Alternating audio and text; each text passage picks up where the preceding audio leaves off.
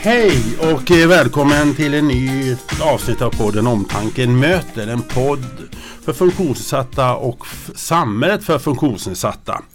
Eh, nu har vi hamnat i Mora och vi är eh, på kontoret hos en av de stora institutionerna vill jag säga inom svensk eh, samhälle och framförallt inom svensk idrott. Men det stora samhället också eh, pratar mycket om detta. Vi är alltså på Vasaloppets kontor i Mora och eh, som gäst idag är Johan Eriksson, VD för Vasaloppet. Välkommen Johan! Tack så jättemycket! Nej, hur, hur har dagen varit? Ja men det har varit en fin start. Det är ju fredag när vi spelar in det här så det är väl en lite lagom pirr i magen. Hur mycket har du tränat den här gångna veckan? Ja, det är väl en riktigt eh, samhällsfråga. Jag var lite krasslig i början på veckan. Det är kanske en dålig ursäkt då, utöver en av många. Mm, mm. Men eh, vad heter det? Rör du på dig själv? Ja, det försöker jag få till i alla fall. Men det blir, just nu är det mycket trädgårdsarbete och annat. Jag får roa mig och göra lite nytta med nöje. Ja, ja. Jag frågar därför att Vasaloppet är ju inte bara en tävling utan jag ser det som en slags institution för motions och friskvård. Har jag fel eller? Nej men verkligen och det är just det som vi försöker när vi själv försöker, pratar och resonerar om vad är egentligen Vasaloppet så är det just det att Ena perspektivet är en blandning mellan tävling och elitåkare och motionärer. Eh, så det är nog det viktigaste vi Vasaloppet, att det är till verkligen för, för alla. Och när du säger alla så är det också för funktionsnedsatta? Absolut, och det är det vi försöker nu att när vi liksom vidgar det begreppet och verkligen inkluderar då som det heter att det ska vara till för alla. Mm. Så det är våran målsättning nu som vi försöker se över och jobbar efter och mm. se att vad vi kan förfina och utveckla fram, framöver. Och så den här podden avsnittet kommer att handla också om funktionssatta sätt att motionera, möjligheter och eh, vad Vasaloppet kan inspirera. Och vi kommer att prata också om fun Funkisvasan som gjordes tidigare. Men allra, allra först Johan, vem är du? Ja, det är väl som eh, en spännande fråga. Jag är, ser mig själv som en ganska enkel man ifrån bygden här. Jag är född och uppvuxen på Sollerön, mitt i Siljan. Så jag har kommit tillbaks dit och eh, bor och verkar här i bygden och är otroligt engagerad i de frågorna som gäller det lilla lokalsamhället här runt omkring just utifrån idrotten och vad den kan bidra med. Men sen har jag ju den stora förmånen att få jobba med idrotten ute i hela landet och, och företräda Vasaloppet och, och driva de frågorna, just som du säger då, att inspirera till motion och hälsa. Och det är någonting som, som jag har brunnit för hela min Eh, min uppväxt. Jag åkte skidor när jag var ung och tävlade och så vidare men insåg ganska snabbt styrkan och kraften i Vasaloppet när man växte upp här och det har inspirerat mig i, mina val här i livet. Men hur bra var du som skidåkare en gång, när du var aktiv? Ja, när man går runt på gatorna i Mora då ska man vara försiktig och uttala sig. Då ska man minst ha vunnit ett par Vasalopp innan man ska uttala sig och det har jag aldrig gjort så att säga. Så att jag var en, en jag var aktiv som junior. Jag brukar säga min st största merit är att jag gick på, i samma klass som Daniel Tinell och han har i alla fall vunnit Vasaloppet några gånger. Så, så att, eh, det var han som blev något i våran årskull. Ja, och det här med du säger att man helst ska ha vunnit Vasaloppet. Din företrädare Rolf Hammar som är en klassisk eh, Vasaloppsledare, han flyttade ju hit.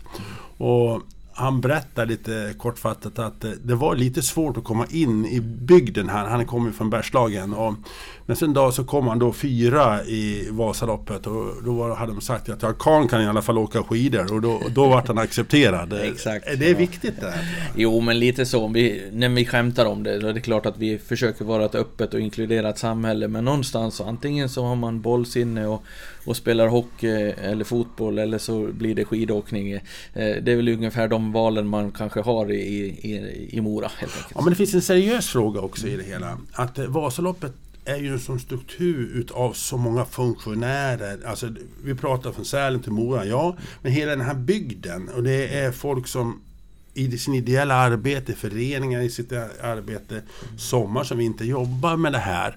Då är det väl ändå viktigt att VDn har en förankring i den verksamheten, förstår verksamheten lite mer, eller? Nej, men jag, jag delar den bilden och jag vill gärna förlika med den bilden att jag har levt och växt upp i föreningslivet och allt ifrån att min farfar var väldigt engagerad i, i den lilla föreningen på Sollerön som blev större och det var cykellopp man engagerade med Siljan runt och man förstod kraften i de här arrangemangen och det var midsommar och Sollerölopp och så vidare. Så det, det är ju den uppväxten jag har haft och, man var på hockeyplan och skottade själv och latchade och lirade och, och förstått eh, vikten av föreningslivet och så vidare. Vad den, har in, och den betydde otroligt mycket under min uppväxt och vad man såg vad den hjälpte till med. Att det var en inkludering i sig att vara med i en förening och den den, eh, i alla fall, det är kanske är många som tycker att det är en romantisk bild idag, men jag lever på den. Det ger mig otroligt mycket energi, för jag ser kraften i det. Och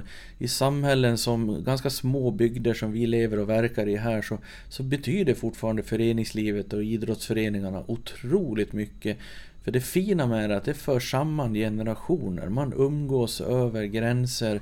Man, man hittar nya vänner som man annars inte hade umgås med. Och det, det är det här som jag tycker är den fina delen i att vi sen väljer att idrotta om vi spelar pingis eller om vi spelar fotboll eller åker skidor. Det har inte så stor betydelse egentligen. Huvudsaken är att man rör sig och att vi umgås. Och det där det är någonting väldigt starkt förankrat i, i Dalarna och även i, framförallt kanske i de här bygderna runt Vasaloppskommunerna. Så att det, det där bränn, det, det brinner jag jättemycket för. Och du, har ju, du var ju den här skidåkaren som, som, som blev ledaren och det, det hedrar dig för alla som, det är väldigt, allt för många som inte blir skidåkare men inte vill bli ledare utan man gör någonting annat. Och, du, och jag kommer ihåg dig, du var ledare i IFK Moas elitskidåkning och du har gjort hela den här resan men inom sportens värld och blivit. Men att vara VD för Vasaloppet det är också en marknadsorganisation, det är ett företag, du ska ha lite lekmannamässigt uttryckt eh, sponsoravtal med väldigt stora industrier, företag och varumärken. Hur kopplar du in det där då, den, den delen? Ja, den andra biten i, i mitt DNA om man säger så, det är just den här entreprenörsandan som, som någonstans jag har odlat eh, när jag försöker analysera mig själv genom åren och nyfikenheten till det. Jag är inte skolad i några fina skolor vad gäller marknadsföring och så vidare, men jag har varit väldigt nyfiken i min uppväxt och även genom livet och så vidare. Hur saker hänger ihop och hur, hur man skapar affärer. Jag har haft en otrolig förmån att få få jobba i några fina företag som har varit en jättefin skola för mig att sätta det fina i att göra affärer, värdet när två parter möts så att det ska liksom bli någonting, att man erbjuder en vara eller en tjänst och det hjälper motparten att komma vidare med sitt. Liksom. Att det behöver inte vara något bara business utan det finns något ganska enkelt och ädelt i det också. Så att säga. Och det där, det, det tycker jag att det har varit otroligt intressant och är intressant. Och sen att gifta ihop det med föreningslivet och det är väl det som är lite grann eh, bilden av Vasaloppet. Att den här traditionen och innovationen, att vi försöker gifta ihop det. Och det är inte fult att vi försöker göra professionalisera idrotten i den delen. För det min bild är att det behöver idrotten också. Man behöver en marknad, man behöver folk som investerar och satsar i det. Så vi som har intresse att göra saker på kvällar och helger, att det finns en infrastruktur som det heter för det. Att det finns ett spår som är draget och, om man är längdskidåkare till exempel. Men det, det, finns ju fina skolor för entreprenörer och den här biten.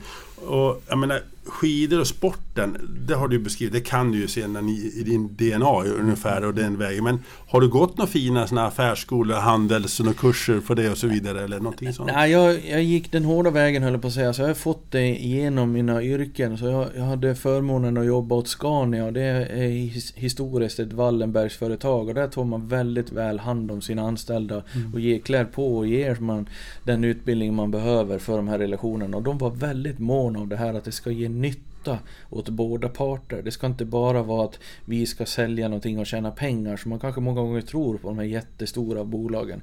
Men tvärtom, i, i den världen så var det verkligen att absolut att göra kunden lönsam då på affärsspråk som säger Det är det absolut viktigaste uppdraget man har. Och det där har jag tagit med mig. Det är samma sak som när vi utvecklar Vasaloppet. Om vi hittar på roliga arrangemang och tävlingar.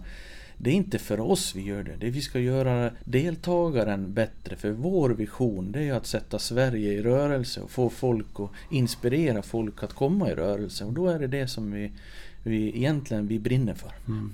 Men eh, hur mycket består ditt jobb idag? Är det, eh, du har ju en hel organisation. Du har ju Tommy Höglund som är bland sportchef och det, det säger sig själv att han är ju liksom sportens del. Men är det i den marknadsbiten, man får sammanfatta det så blir det enkelt att förstå. Hur stor procent jobbar åt marknadsbiten av själva sporten idag?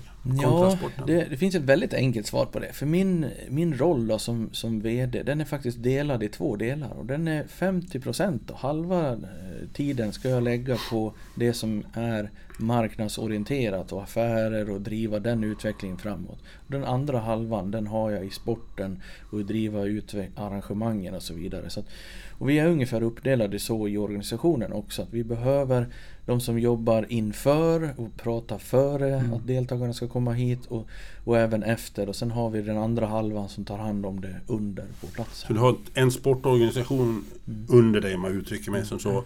Och sen har du en marknadsorganisation. Vem är ledare för är Tommys motsvarighet?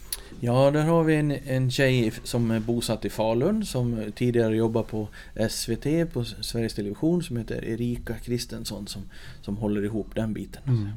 Men jag, jag, säger, vi är många som tyckte lite synd om dig när du tillträdde som eh, eh, VD. Och, eh, och det jag berättar nu, det hade nog fått vem som helst att knäcka ner sig. Men, eh, och det, det, ingenting av dig, du hade ingen skuld i någonting. Första året du kom hit så så hade vi då, då året innan fått betala upp på 10 12 miljoner extra förutom budget för att rädda Vasaloppet i snöfattig vinter. Det tog hårt på, på ekonomin. Sen hade vi några pandemiår som, som satte oerhörda spår på det. Och sen när det började komma igång så, så, så, hade, så hade nu bara senast i sommarvasan så var det väder och fick ni lägga ut grus. Jag vet inte hur många miljoner sägs det att det lades ut hur, hur orkar du jobba? För att du fick ingen lätt start. Mm. Nej, men, och det där är klart, det beror på hur man ser på det lite grann. Då. Jag menar, tänk om en brandman skulle gå till jobbet och vara orolig om det skulle vara utryckningar varje dag. Så det är nog ett mentalt mindset att i den här rollen så får, får man vara räkna med att det händer oplanerade saker. Sen är det klart att ibland så är de oplanerade sakerna större och besvärligare än vanligt och det är mycket på spel och kan det bli något Vasaloppet i framtiden eller, eller det närmsta arrangemanget så att säga. Men någonstans så tror jag att man backar tillbaks och ställer sig med fötterna på jorden och funderar på varför gör vi det här?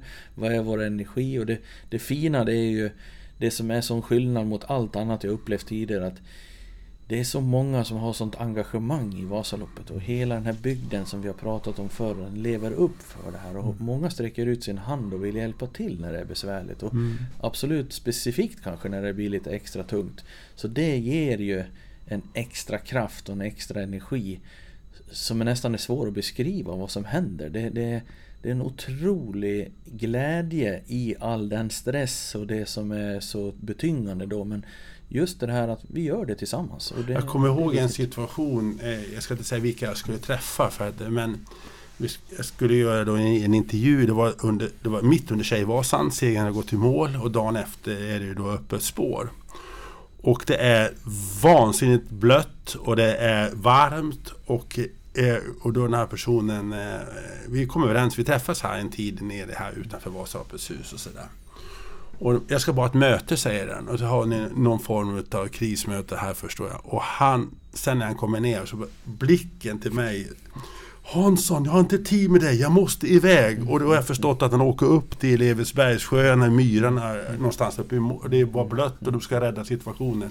Då tänkte jag att de orkar, de fick jobba hela natten. Vilken...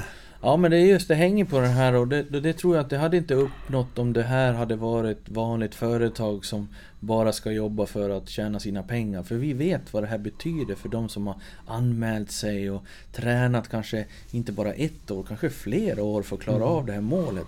Vi blir lika engagerade som dem, även fast vi har förmånen att få jobba med det här om dagarna. Så mm. man, man, tänker ju mer på de här deltagarna som har kämpat och slitit och, och varit ute där i regnvädret på hösten och tränat och så vidare. Då kan det väl inte hänga på oss att vi ska ställa in, för de har ju ett jätteviktigt, de ska ju uppnå sitt mål. Så, ja, så vi blir lika det blir mm. våran typ av tävling eller arrangemang då försöka Har du tänkt på någonting vilken energi det måste finnas när ni inte har några krislösningar? Ett år, eller ett par år, allting går som planerat. Du vet fina vintrar och alltihopa. Och det, det tickar in ekonomiskt. hur skulle du få se en organisation då? Till dig, utgå från dig själv när du svarar på det. Ja, nej men det är klart att det finns ju så många dimensioner och den vi hade en jättefin vintervecka som vi blickar tillbaks på med fint väder och folk mådde bra och det var Man hade lagt lite grann pandemin bakom sig och man fick komma ut igen och se den här miljön och umgås med människor Så vi har ju fått upplevt det nu också och det, det då blir man ju då blir man ju positiv, det blir en annan glädje och energi liksom. Så, så det finns ju många sätt att, att bli taggad i, i, i de här mötena med människor. Så. Och människor i en stor grupp är då funktionsnedsatta. Och jag har haft äran att följa lite Vasaloppet genom många år och, och, haft många kontakter. Och det fanns en tid det var väldigt många som ville åka sitski på, nu tänker jag riktiga Vasaloppet på vintern. Och det var Ja, man visste inte riktigt hur ska vi tackla det här? Hur ska vi göra? Men det känns som att efterhand har ni lärt er liksom möta funktionssatta utifrån deras utmaningar. Du, vet du vad jag pratar om? Ja, Känner du det? Absolut, absolut. Och jag har varit djupt involverad i den dialogen. Då var jag inte anställd men då jobbade jag ideellt i Vasaloppet och var till och med tävlingsledare några år för Vasaloppet. Och då hade vi de här frågorna på bordet. Och I all välvilja så försökte vi förstå hur vi bygger in trygghet och säkerhet. Både för de som har en funktionsnedsättning men även de som är runt omkring. Hur skapar vi trygga miljöer?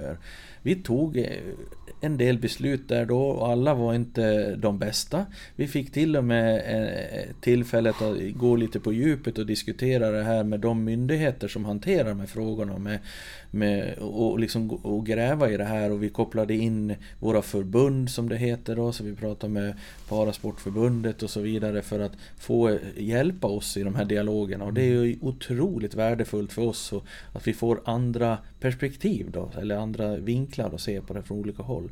Och det här har vi legat i grund någonstans och, och, och, där och vi tog, vi fick rätta till en del saker så vi försökte öppna upp. Och några år så hade vi en, en teori att vi vill inte göra någon skillnad oavsett om jag har olika utmaningar eller inte utan vi vill välkomna alla. Mm. Vi tyckte att det var en fin berättelse att berätta men Sen har jag ju träffat dig bland annat och andra som säger så här, ja men det behövs nog en liten extra förpackning för att man ska känna sig trygg för annars blir det lite för stort och läskigt ibland så att säga. Mm. Så då, vi har tänkt att det ska inte bli någonting som ligger på sidan som vi gömmer någonstans utan vi ska ju vara, låt alla vara med. Mm. Men nu försöker vi ju lite nytt nu då med nya tag och vi hade ett prov här i somras som är väldigt inspirerande med den här Funkisvasan och, och, och där vi då kan göra ett litet extra arrangemang och, och men det är jätteviktigt att det ligger precis i hela sommarveckan så att man får vara med precis som alla andra och gå i mål och uppleva exakt samma saker.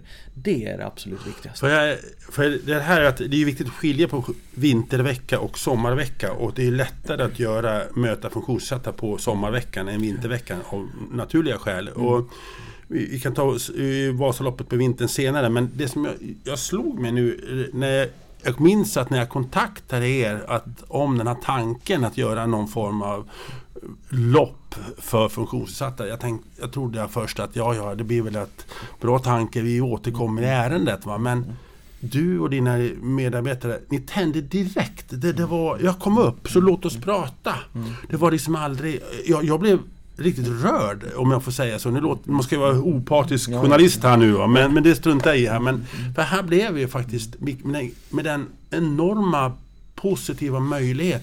Det, det var häftigt. Det var ett och ett halvt år sedan ungefär som jag kom och det var häftigt. Nej men det är klart att det har som sagt, det vi pratade om nyss, det var några år tillbaka så vi har funderat lite grann. Mm. Sen kom det pandemi så det var lite stökigt. Så tajmingen var väl ganska bra att vi försöker öppna upp och inkludera då. Vi har satt ett stort område att jobba med jämställdhet, att det ska bli lika för tjejer och killar eller män och, uh, män och kvinnor att vara med. Men, men nu vill vi liksom börja titta på nästa steg och verkligen jobba med mångfald och inkludering. Och, och det, det handlar ju om att vi ska öppna upp för alla. Och då kanske man behöver göra vissa insatser och den här eh, satsningen nu på, på sommarveckan och ha en funkisvasa Den ligger helt i den linjen. Mm. Sen, sen eh, börjar vi med sommaren för då är det betydligt lättare för både oss som arrangörer. Vi känner oss tryggare att kunna ta hand och ta emot på ett bra sätt. Och jag tror att det är lite grann samma sak för de som vill vara med. Att det är lite tryggare och lite enklare att vara med på sommaren. Sen får vi se i framtiden vad som händer om det går att, om det går att göra på vintern ja, också. Men, det, det, men vi, behöver, vi behöver träna på det här några år Ja, liksom ja, i lugn. Men berätta för de som inte vet, vad är Funkisvasan? Ja, just nu då så, så när vi har kört det första året här så, så handlar det om att lära sig hur vi ska genomföra det. Och som vi gjorde det i somras, då startade vi eh, Eh, en fredag på eftermiddagen. Så man hinner resa hit under dagen och vi försöker tänka på alla de här praktiska sakerna.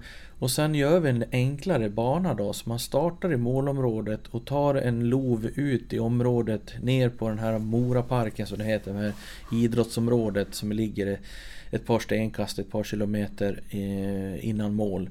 Och sen är det faktiskt en rundbana så att man kommer tillbaks då och får uppleva den här sista kilometern in mot mål och alla de här klassiska grejerna som alla som har gått i mål. Det är 1,7 miljoner människor som genom åren som har passerat eh, den här sista biten. Och det är det absolut viktigaste, att man får alla ska få känna på samma sak och klättra upp för den här sista backen och få den här rakan och se klockstapeln och kyrkan och alltihop där och sen komma under portalen så att säga. Och det var ju väldigt häftig inramning med det var starten, då gick kyrkklockorna igång och det var och det var många tårar från anhöriga och så- som så, just när de sprang i mål eller rullade i mål eller gick i mål eller vad man nu gjorde.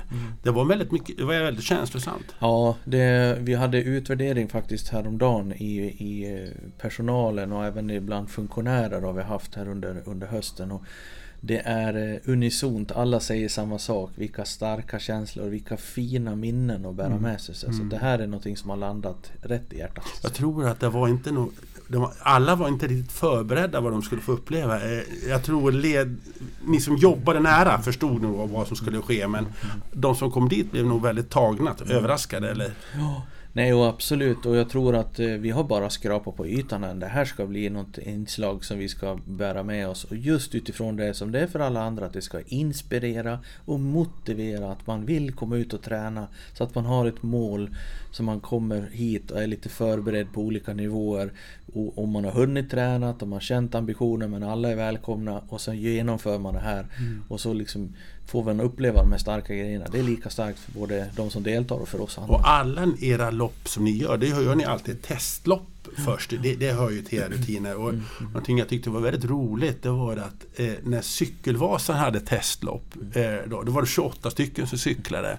Nu var det 21 som var med på det här testloppet. Jag brukar säga, jaha, det var fasiken inte tog Cykelvasan, men om några år så kanske vi kan ta i antalet det där. Men det som var häftigt också det var att så stor procent, banan var ungefär 4,5 kilometer men jag missminner mig. Ni hade kontroll längst bort.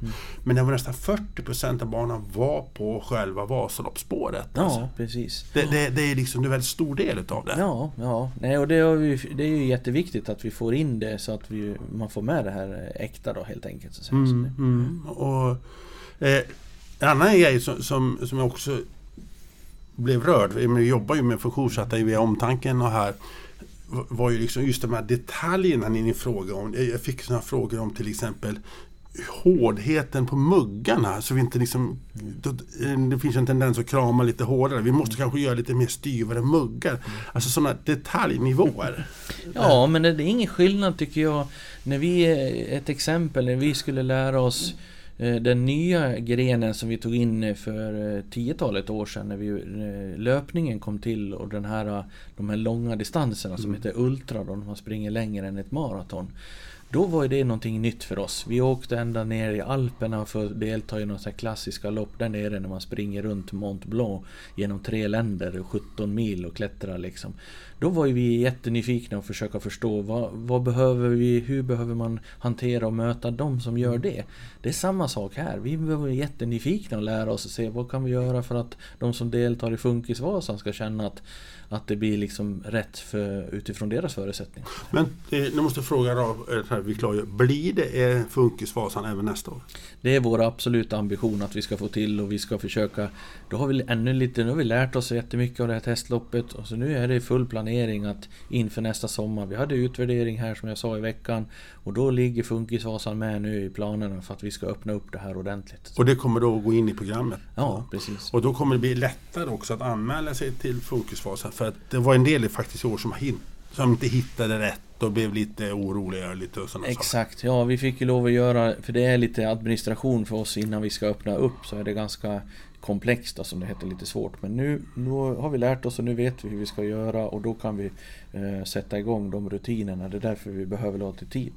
Ursäkta, Nej, då, tid då för att jobba in det så, mm. så då kommer vi in. Men eh, och det, och det var ju att ni hittade, det var ju liksom hur gör vi med de personliga assistenterna, mm. hur det, men det har ju löst sig alltihopa. Att de var, är steget bakom, det är de som rullar på.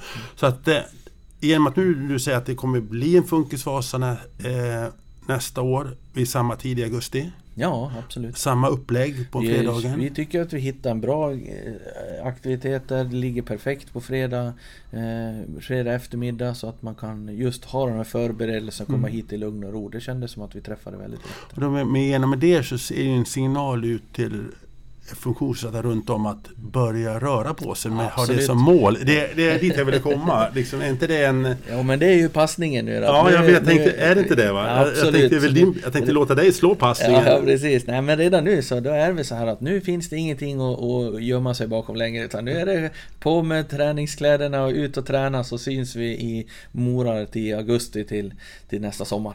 Jag säger så här och då säger jag så att eh, om jag säger att det om det blir allt fler sådana rulla gå-dagar, man eh, tar olika slingor, träffas en gång i veckan för att röra sig med rullstol och liknande efter permobiler eller gå efter sin förmåga. Mm. Med sikte på eh, den här funktionsfasen. Vad säger du om man får igång en sån rörelse? Det låter ju precis som det ska vara för det är så man gör i andra sammanhang om man eh, oavsett om man vill cykla eller springa eller åka skidor eller åka rullstol. Att det är bra att träna tillsammans, umgås lite grann. Då får man några till tillfällen man, man kan vara med sina vänner och sen sätter man upp det målet och så har man någonting att sträva efter och då blir det ju då blir den här resan lite roligare också, mm. lite längre. Jag kan informera skvallra att nu på onsdag om fem dagar så har vi en aktivitet på omtanken där vi har en rulla vi kallar det för rulla grilla aktivitet där man rullar, grillar och går mm. på sportfältet i Mora, en bana och sen träffas man efteråt. Så att eh, omtanken gänget har börjat lite förberedelserna och så vidare. Det finns ju något väldigt viktigt i det här också. Det är inte bara att vi ska ha roligt, det, ska, det är det viktigaste att vi ska trivas och ha roligt. Men det är ju faktiskt väldigt seriöst också att, att just sätta upp ett mål, att komma ut och träna. Mm. Det vet vi att man mår så mycket bättre av, så man blir piggare i huvudet, man mår bättre i kroppen och man orkar eh, göra mer saker. Så det är ju därför vi tycker att det här är så viktigt. Mm. Det, är, det är jättekul att det är roligt, men det är otroligt viktigt också att röra på sig. Så då är det här, kan vi hjälpa till lite grann så det blir lite lättare i vardagen att komma ut? För det är ju svårare för funktionsnedsatta att komma ut och röra på sig. Det är en större... Mm. Eh, man, det finns lika många anledningar som det finns personer bland funktionsnedsatta att inte röra på sig. Men det är underrepresenterat inom motionen. Ja, nej och därför så är det ju jättespännande om vi kan lära oss mer och hjälpa till så att det blir lite lättare att komma mm. över den här tröskeln som mm. det brukar heta då, och mm. komma ut och göra det. Så kan vi skapa de här aktiviteterna om det är stort när man kommer hit i, i augusti till Mora men att man även kan göra saker innan det då liksom så att man inför. Varje gång man då får kommer ut och gör de här och rör sig och så vidare så ska man ju veta det att ja, då har man någonting att se fram emot men det är också att påminnelse om hur viktigt det är att man faktiskt rör sig. Och det intressanta i förberedelserna är det att samarbete med eh, organisationer och liknande som jobbar med funktionsnedsättningar som Parasport och rekryteringsgruppen i Dalarna, Omtanken, assistans och så vidare. Ni, har, ni, ni, ni är respekt, ja, ni, ni, ni, kan göra det. Ni är, inte, ni är prestigelösa, säger jag. Jag hittade inte ordet. Liksom, det är ingen prestige att fråga, verkar det som. Nej, nej absolut inte. Och, och jag tror det är väldigt viktigt att komma ihåg att Parasport är viktigt på, sätt, på ett sätt att det kan guida de som vill engagera sig hårdare och utöva en idrott på det sättet och kontinuerligt träna för sin sport. Vi lägger oss lite grann där att det är viktiga för oss att inspirera att komma ut och delta oavsett om jag är supertränad och har gjort det jättemycket eller om jag bara vill prova på. Mm. Det är det som är skillnaden och det är precis så ett Vasalopp ska fungera. Att det ska mm. locka de som är jätteengagerade, som är vana att nummerlapp på sig ända till de som kanske aldrig haft en nummerlapp på sig. Mm. Vad, har, är, vad är din framtidsvision? Nu säger jag en, en vision är ju, är ju en, tanke. Det, sägs, det är inte så att det ska bli så, men en vision är ju finns ju alltid häftigt. Vad är din vision för Funkisvasan för framtiden? Ja, men det, det vikt... Utvecklingen? Ja, men det viktigaste är just det att, att vi lär oss och förstår vad vi behöver göra för att inspirera den här målgruppen som det då heter. Att man, hur vi kan rikta oss till de som har det kanske de största trösklarna att komma ut, som behöver hjälp för att komma ut och som behöver ännu mer motivation. Så tänk om det i framtiden kunna bli så att vi kan få en folkfest här även för de som, som har eh, eh de här behoven helt mm. enkelt. Så att mm. säga. Och då att, att, att kunna knyta hand runt den här glädjen och för en dag att vi kan öppna upp och verkligen vara till för alla. Det, det är ju min vision helt enkelt. Spännande. Lite i, lite tidigare i det här samtalet så nämnde du att ja, du skulle kunna tänka ha någon, kanske någonting liknande på vintern. Men då tänker jag, hur skulle det kunna se ut? Jag, jag, jag menar, för det är lite med utmaningar att göra en vinterfunkisvariant. För där kan man ju inte använda rullstol med mobiler och så vidare. Är det någonting som är omöjligt där, tror du? Hitta en lösning? Det, Anders, det är väl väldigt få saker i livet som är omöjliga. Ja, det ska du höra veta som, som, simmar över äh, öppet hav, höll jag på att säga. Nej men det är klart att, att eh, det, det, det, finns ju en skidåkare som sagt att det är ingenting som är omöjligt. Han heter Gunde och ja. det, den devisen får vi ta med oss. Och, och någonstans att, att det kanske är lite tidigt för oss att sätta ner det på papper, hur det skulle se ut. Men, men självklart skulle det vara en kul ledstjärna att se om vi kunna göra så att man kan inspirera även på vintern. Och det är klart, det är lite extra utmaningar. Men på Om drivkraften finns hos er så tror jag nog att ni kontaktar Parasporten så kommer ni bli säkert... Eh, och det, det kan ju också bli på omtanke, lite inspel och tankar. Men jag tror att det är viktigt att jag kan tänka mig att ni tänker först att nu utvecklades Funkisvasan på ja. sommaren först. Det är det, det, det som är Vi vill inte göra allting Nej. samtidigt utan vi vill försöka göra det här så bra som möjligt. Ja. Och det, kan, det kan gärna få ta några år och vi bygger upp mm. ett arrangemang nu som känns äkta och genuint. Så att det är ett riktigt Vasaloppsarrangemang. Jag vill inte låta den där frågan hängande där. För du, du nämnde det. Tänkte, jag, jag reagerar. Vi måste ta ner den frågan. Ja. Eh, alla oavsett om man har funktionsnedsättningar och, och så vidare berörs utav Vasaloppet den första söndagen i mars. Alltså, en del kanske inte alls, eh, okej okay, man noterar att det är en del sitter och följer på TV och den förnämna TV-sändningarna. Man ska, eh, man ska mötas av SVTs Yvette och tidigare var det Sven Plex. Man ska höra Jakob Hård och Anders Blomqvist. Det här är ju en, folk, en del av folksjälen för de flesta i alla fall. Och i år, eller vinter, då blir det ett spännande det hundrade Vasaloppet. Mm, precis.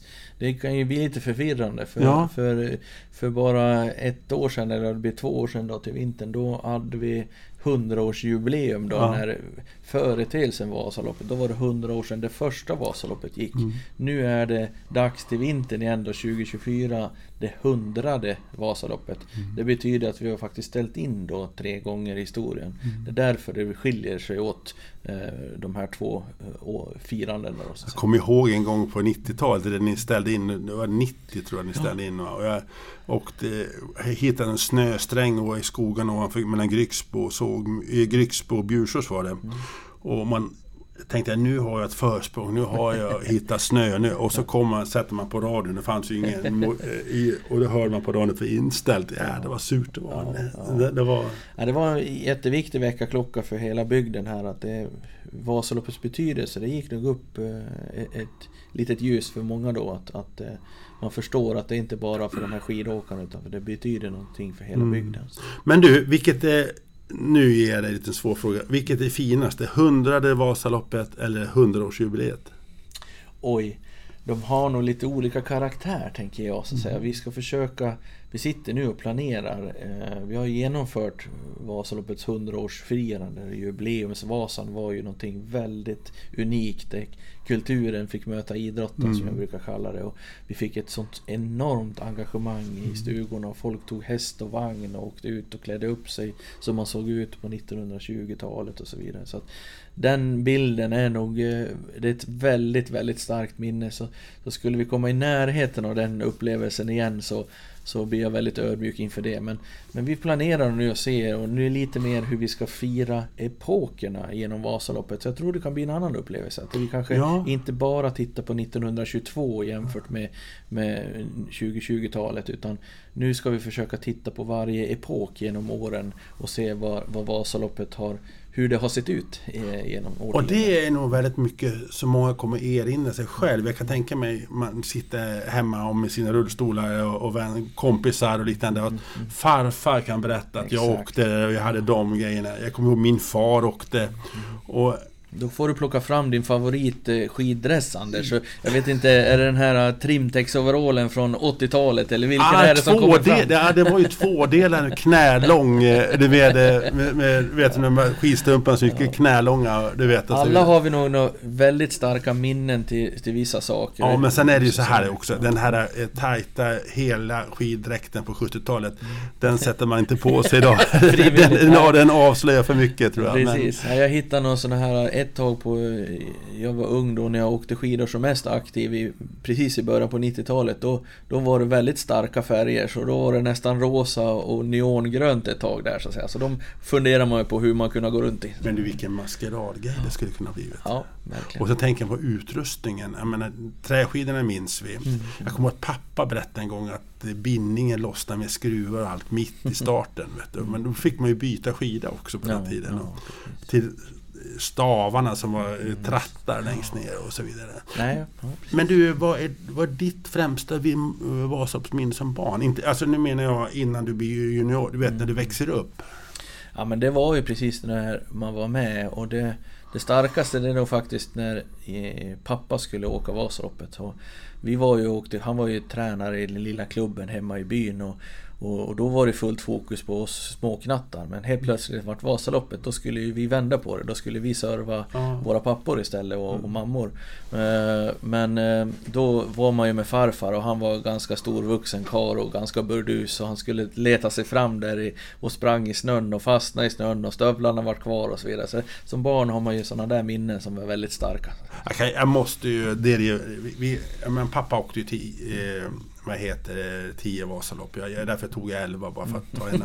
Men eh, jag kommer ihåg, jag är ju uppvuxen i Grycksbo. Det var ju det här på på lördagen så åkte, träffades gubbarna på Drottningplanen vid, i Grycksbo så åkte man iväg upp. Och sen hemma då så var inte pappa, då fick vi alltid eh, fruktsallad och, på kvällen där och du vet myste liksom, och tittade på Kodiak på TV och sånt där. Och sen på morgonen så var det ju då sändningarna ifrån eh, var så, antingen radio, det var lika mycket radio då som TV. Och man drömde ju någon gång om hur få se pappa eller höra han på radio, men det fick man ju aldrig se. Men alltid undra hur går det för pappa? Så hela den här söndagen var en enda lång väntan Exakt. tills de kom hem. Trötta, slitna. Kom du i mål pappa? Och det var den dummaste frågan man, Ja, man kunde ge. Va? Men. Och så fick de berätta på kvällen alla de här minnena, de skrävlade. Och, och sen kommer jag ihåg att jag själv åkte första gången 84, och det var 21 år. Och då, och far med, han var alldeles till sig. Jag fick en lång lista med kontrollpassertider. Va? Det, ja, det, det, det, är ju, det är ju far och son. Och, Ja, men det är nog väldigt starkt och det är just att det har blivit den klassiker som det är. Att det har förts över i generationer. Och det är någonting som, det är få saker som ser ut så i samhället idag. Så det, det är kul att vi kan hålla kvar vid vissa traditioner också. Det är klart, julafton och titta på Kalle Anka, det är en sån där sak som Jag har, en, jag har faktiskt ett speciellt minne som jag har. Jag har ju två utvecklingsstörda barn som du vet.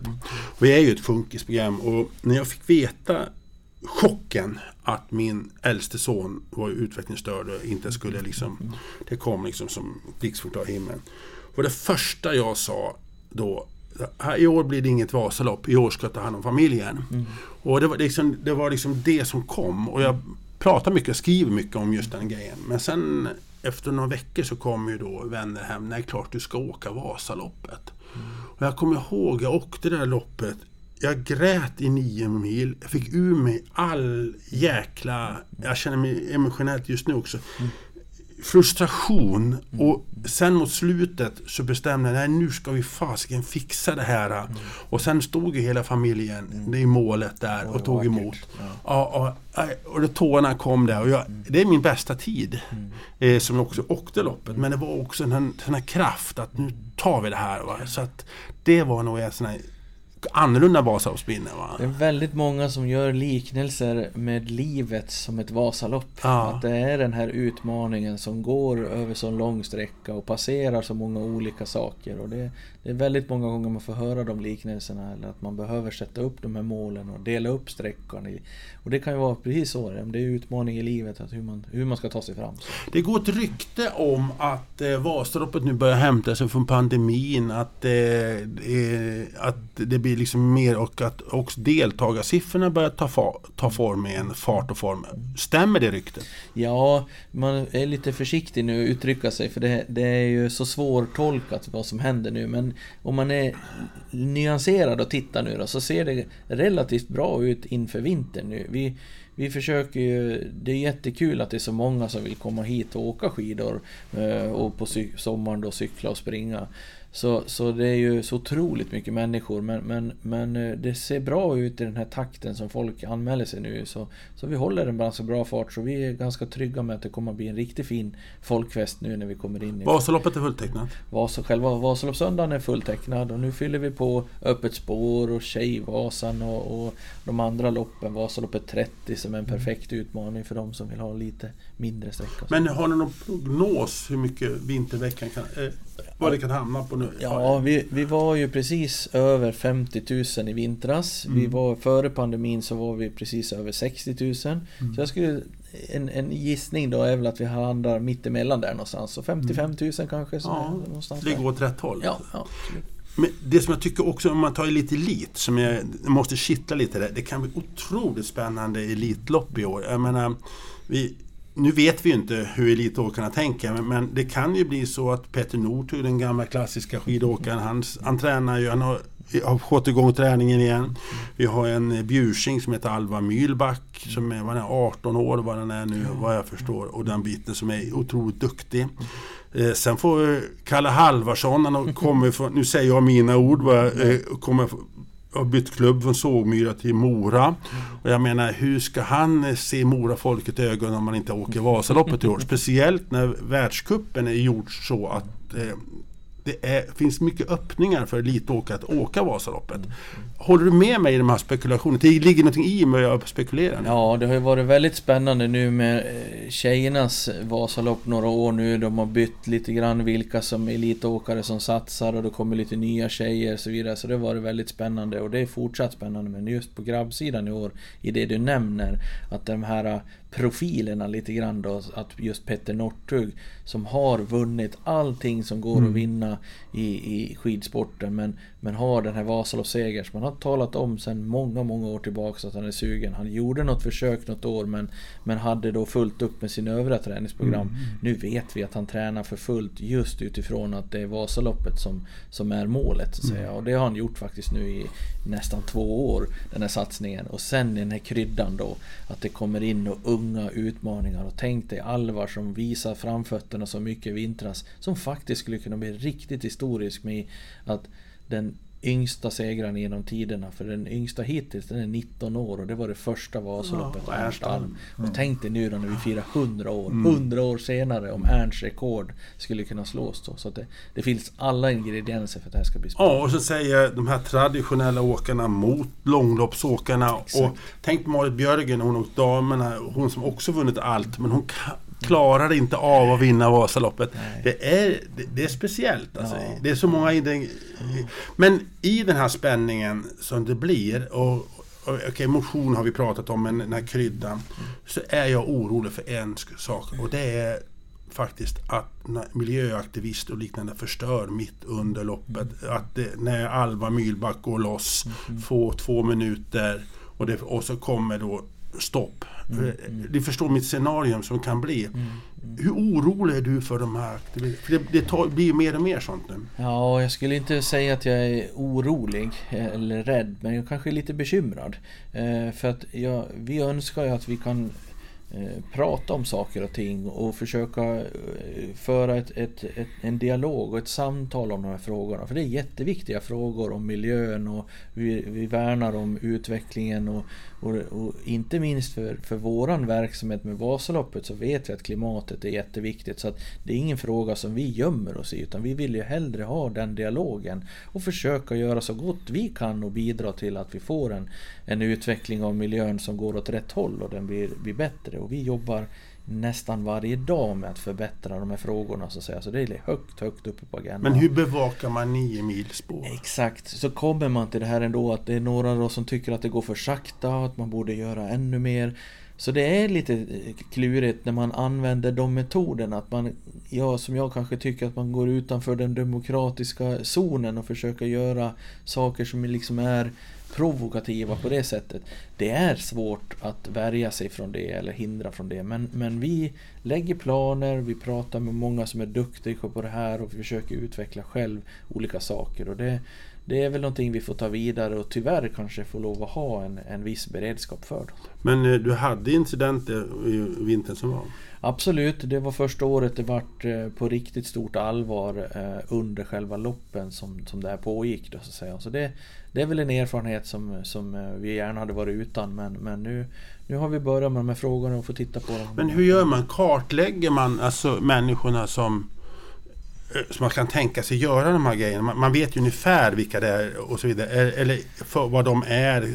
Spanar man på dem eller har man eh, fordon som ligger före spåret? Jag menar mitt ute i skogen du, och du vet emellan, no, ja, emellan Hökberg och Eldis någonstans i där. Du kan inte bevaka allt plötsligt dyker de upp någonstans. Eller ligger ni förtrupper eller vad gör ni?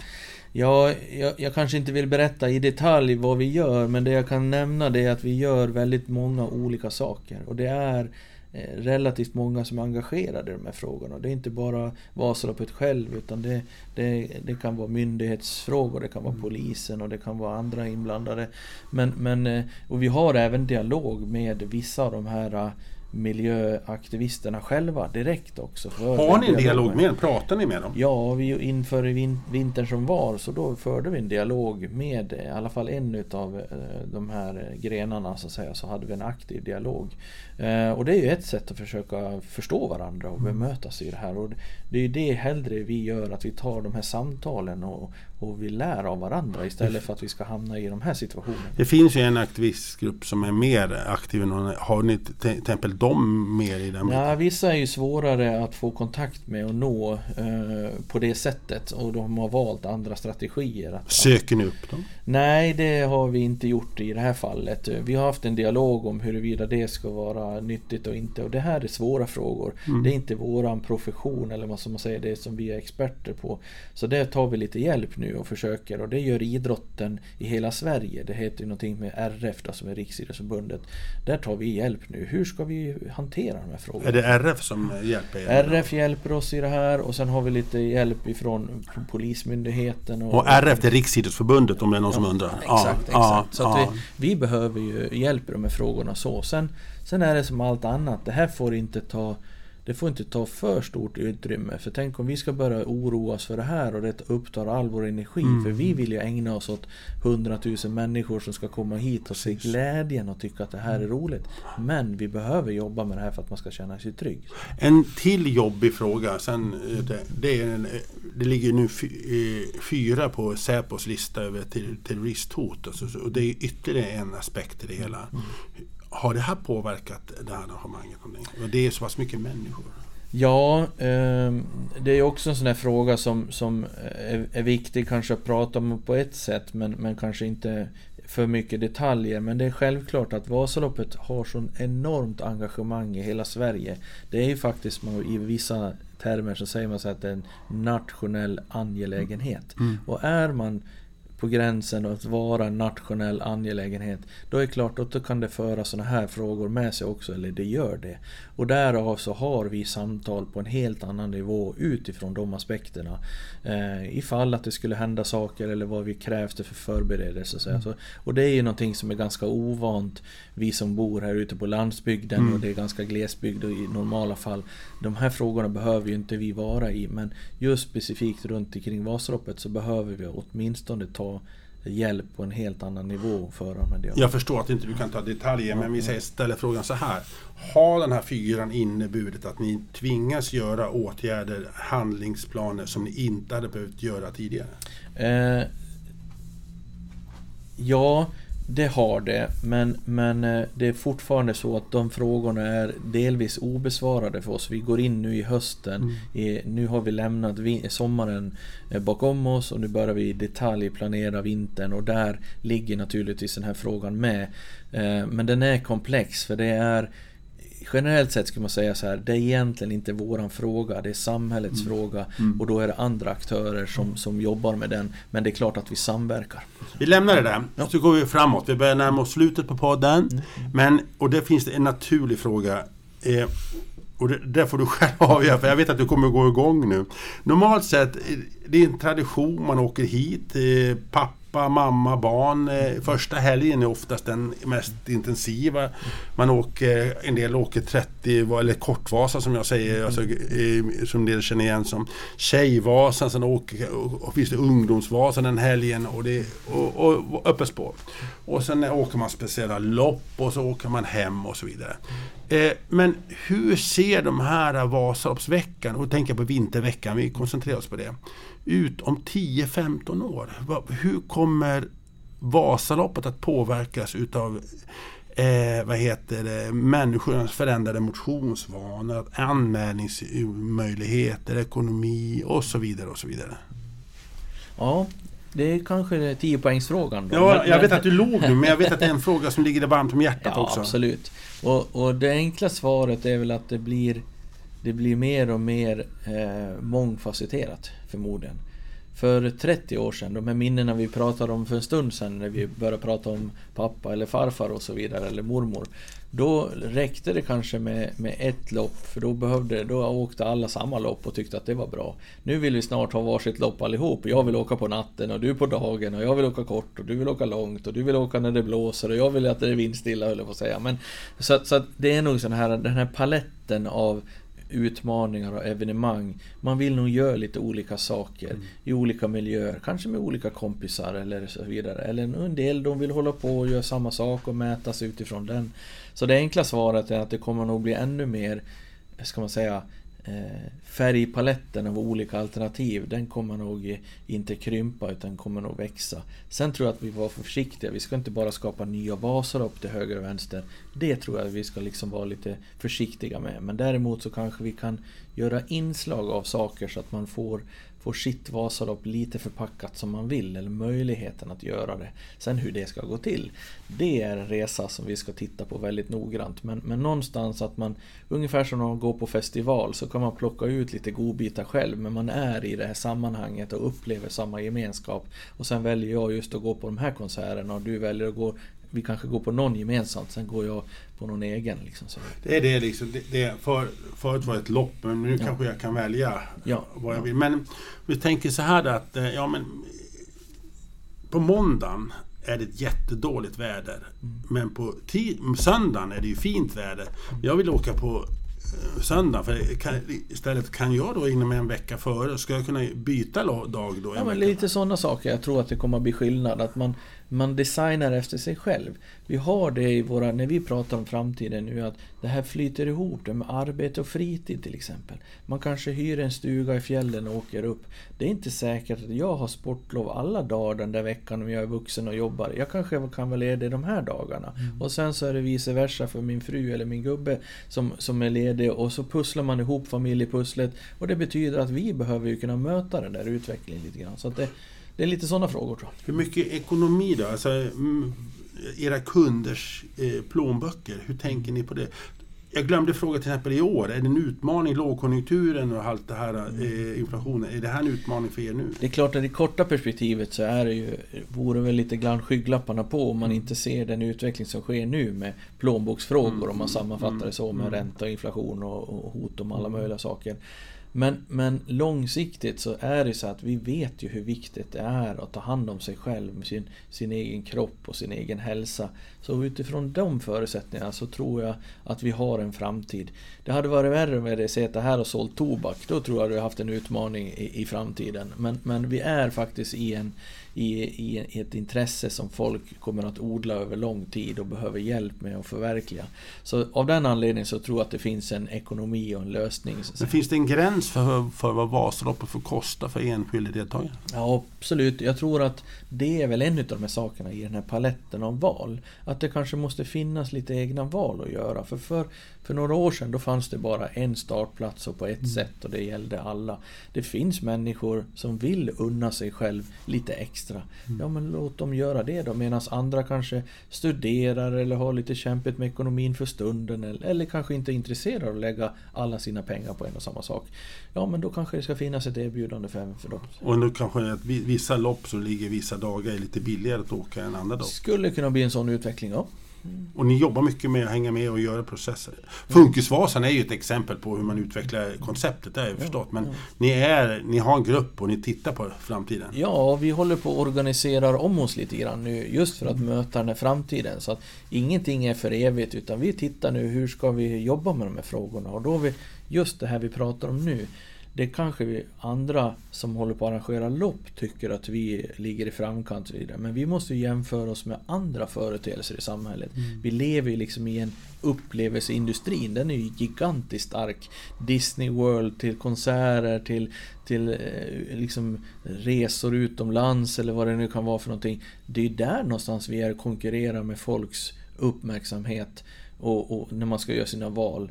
Det kanske inte är att vi ska jämföra oss med med ett litet skidlopp i, i, någonstans i någon avkrok. Utan så här, vi har ju haft förmånen att komma lite längre. Så att vi måste ju mäta oss på de sakerna och då måste vi kunna svara upp på det. Så. Men jag ser en, eh, en, en utmaning. Det är ju alla ideella funktionärer, föreningar och så vidare. Var går gränsen för vad de kan eh, jobba ideellt? Och liksom, nu har de både vinter och sommar, det är före, under och efter. De ska göra sin verksamhet. Fin, ser, du, eller ser du reaktioner att Ja, nu men- närmar vi oss? Och då börjar vi komma tillbaks där vi började samtalet. Och man, man måste nästan ha fötterna då eh, på gräsmattan här utanför. Och vi i som har, sitter och förmånen att få jobba med det här varje dag i kanslifunktionen. Vi är ju inte någonting som sitter ovanför fu- eh, de här föreningarna och funktionärerna. Det är tvärsom. Vi är ju till för att serva alla de här klubbarna. Och det är första frågan går ju till till dem om vad tycker ni om den här idén? Ska vi göra det här? Orkar vi med det här? Vill vi göra det här? Vad, vad tror ni om det här? Så det är den viktigaste frågan. Så att, säga. så att vi gör ingenting utan att vi har föreningarna med oss och, och de som är engagerade. För det är inte så att jag och Camilla och tre, fyra till personer inne på kansliet, vi kommer ingenstans vid något Nej. engagemang om vi skulle försöka göra det. Nu har du knutit ihop säcken Johan. Mm, mm. Nu närmar, nu, det var en fin avslutning på den här podden om Vasaloppet, eller hur? Ja, men det tycker jag. Ja. Är det någonting vi har missat? Nej, man kan prata väldigt Ja, länge ja jag märker det. Jag men- märker men, det. eh, Men eh, det här var ju en, en indikation vad Vasaloppet har stått för, Mm. vad vi är och vad vi är framåt och så vidare. Och eh, det intressanta är ju att du signalerar att det här ska vara för alla, även människor med funktionsnedsättning. Den, den biten var rolig. Mm. Eh, tack för samtalet Johan. Ja men otroligt tacksam för att du kom och var intresserad i de Ja. här frågorna. Men jag måste fråga innan vi på en samhällsfråga. Eh, vad står på motionsprogrammet kommande helg? Ja, nu ska jag flytta fåren och det kan bli ett rejält träningspass när de smiter mellan hagarna så att säga. Så att det, På Solleren? Ja, precis. Jag har lite sådana saker. Men sen har jag en liten ambition om att jag ska få igång och städa ur garaget och kanske jag har en liten dröm om att få in ett litet gym där. Så att, Okej. ja, det, jag hittade en roddmaskin där som jag hade ambitioner om för några år sedan. Så det är den som är mest Jag trodde lockande. du skulle sätta in en stakmaskin där. Nej, det, det vill jag gärna göra ute i naturen. Så att säga. Men Johan, det var ett väldigt trevligt samtal. Tack för att vi fick störa och komma hit och prata om Vasaloppet. Och eh, jag också tackar er lyssnare för att ni har varit med och lyssnat. Och jag som tackar, jag heter Anders Hansson. Och eh, vi det här var ett av avsnittet av Tom, podden om tanken möter och vi kommer tillbaks med fler. Och vad de ska handla om, det får ni se senare. Så till dess, ha det så bra ute. Tack och hej då!